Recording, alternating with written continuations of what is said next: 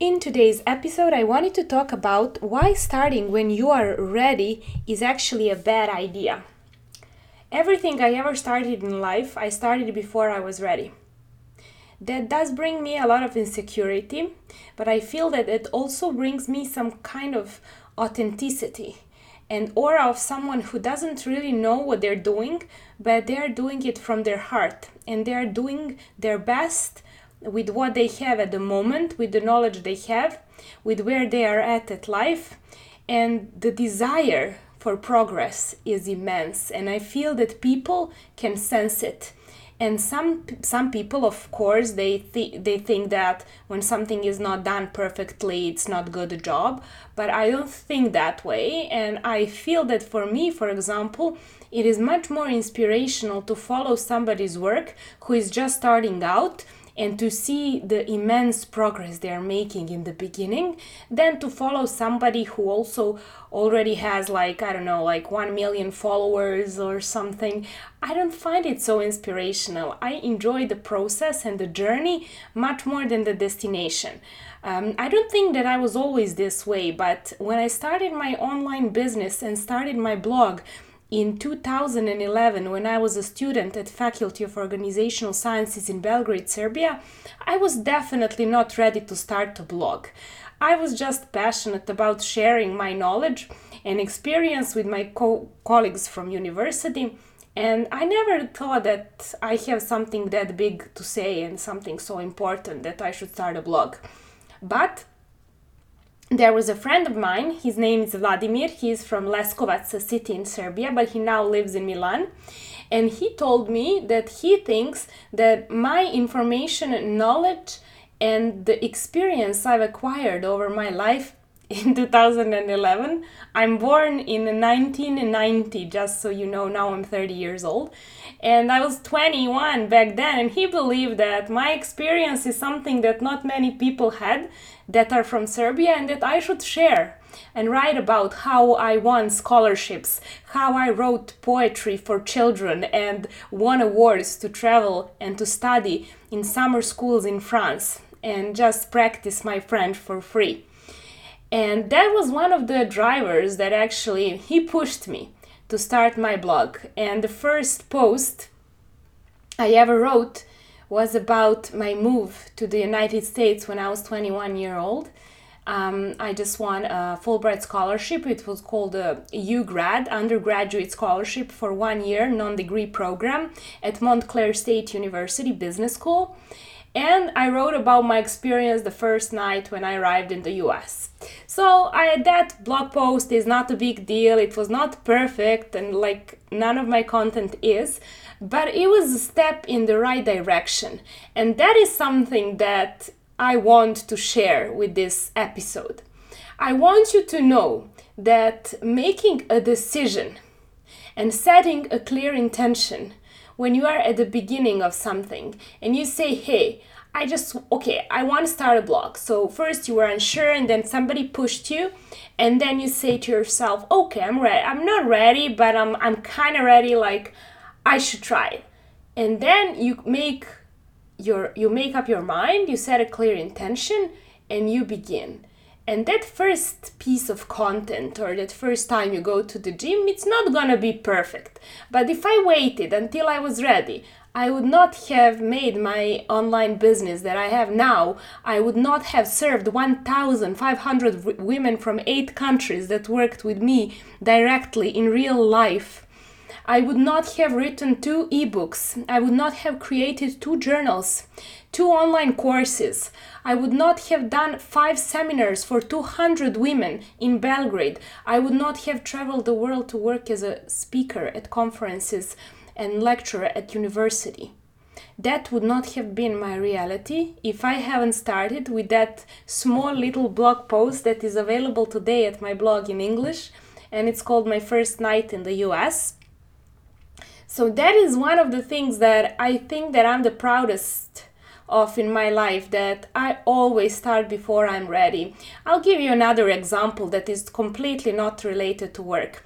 Every few months I challenge myself and I want to see how can, how can I push my boundaries? How can I make myself feel uncomfortable? because I feel that it's like being uncomfortable is like a muscle. You need to build it or it atrophies. So what I did two years ago, I was uh, I'm 166 centimeters in height and I was 55 in weight, which is normal, average size woman in Serbia. But I decided to push my limits and see if I can get fit. But the very important thing I need to say I was not really so healthy and so fit before.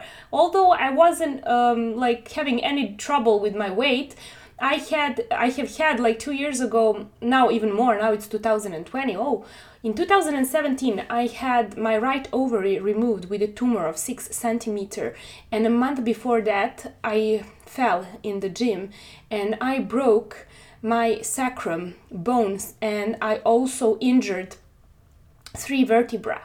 So I was definitely not in shape for a long time. I had for one whole year severe pain during the night and I couldn't sit for more than one hour without really bad pain in my back.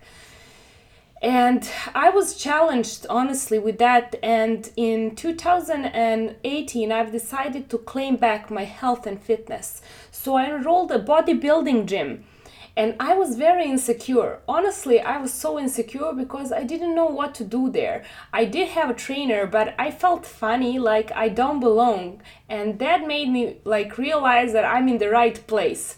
I know it maybe sound sound sound like weird when I say it like that, but I feel that whenever you're feeling insecure, you're at the right place because if you felt like a pro, you wouldn't be there. You know what I mean? So I feel that's like a very empowering position to be in if you perceive it that way. So for me, I was really uh, encouraging myself to go to that bodybuilding gym and to build some muscle and to help my body recover from the injuries I've had in the past. I went there for a year and I've made really amazing results. I can do a whole podcast episode if you're interested about how I did my complete body transformation, but it's very, very closely related to my mind transformation that was going on simultaneously. But uh, when it comes to that gym, I went there five days a week, and most of the days I didn't feel like doing it.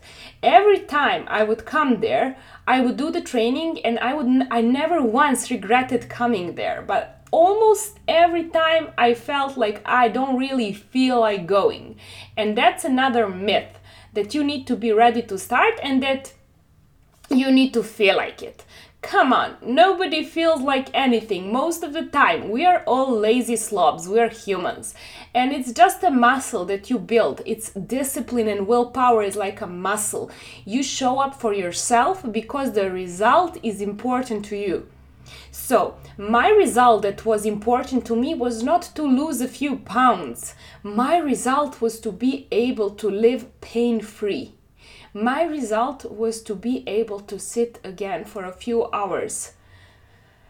I, I feel like teary eyed when I talk about this because um, it was very hard for me to not be able to sit more than two hours because I love writing, I love blogging, and for a whole year or two, I could not do it like I used to do it in the past because I need time when I write, like I need to write something, um, I need to edit the drafts, and because I couldn't be sitting uh, properly, I was just st- I stopped writing, and that was really like painful to me. And um, all that years, all the time, uh, I was just listening to audiobooks and walking a lot the whole day because when I write, it's just like a pain.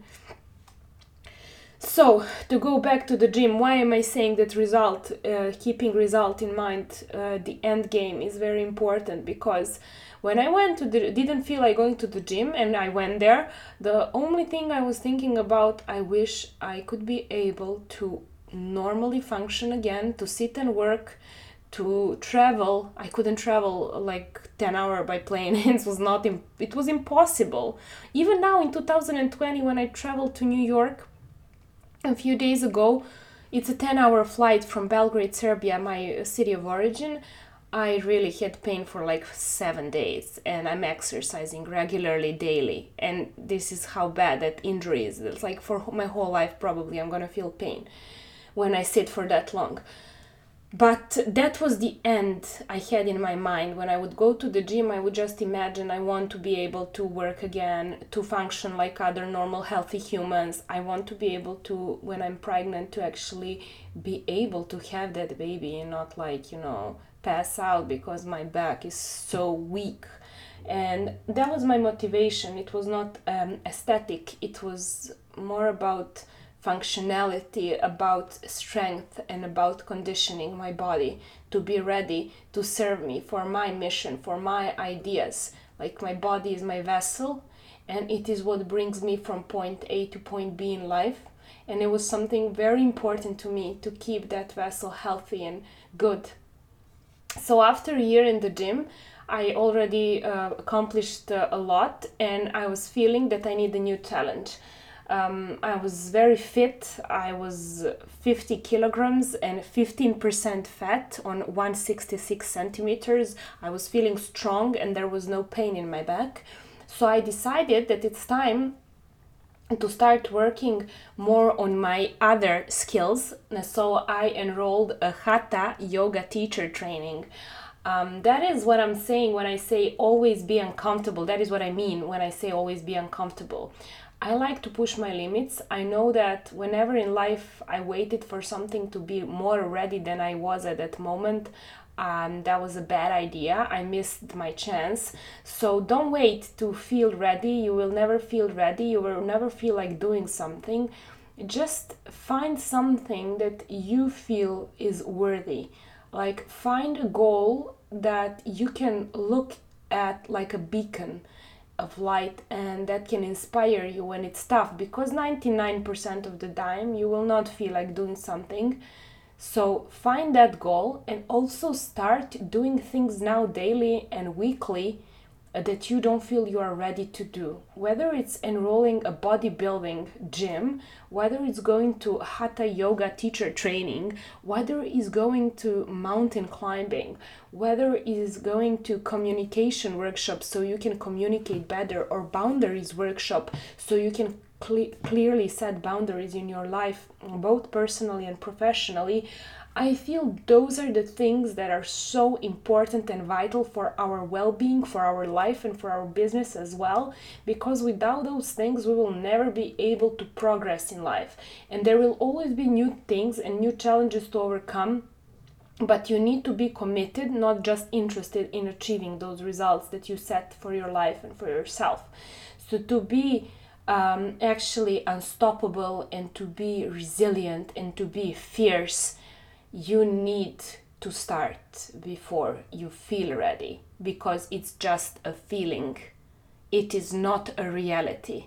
If you are thinking about starting something, you have all that you need to have to start that today. So don't wait do an action now. Don't just listen to this and say, yeah, sounds like fun, and not do it, please. Just think of one thing and send me an email. What is the one thing that you feel extremely uncomfortable about that you are ready to do today?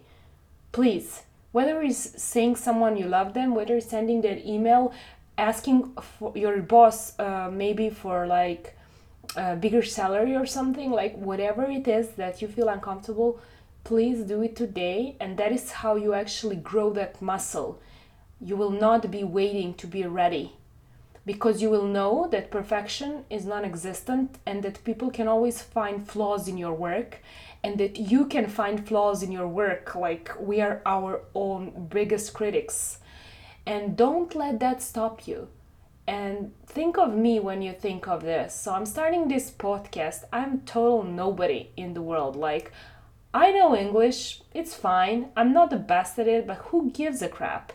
If I have a desire to share something, if I invested my money in this Blue Yeti mic and in this Samsung Galaxy phone, and if I have a desire in my heart to share something inspirational, and I'm committed for a year, every Friday a new episode will be out. Sometimes I will have guests, sometimes it will be me. Nothing can stop me. So, would you like to join me in becoming your own version of unstoppable?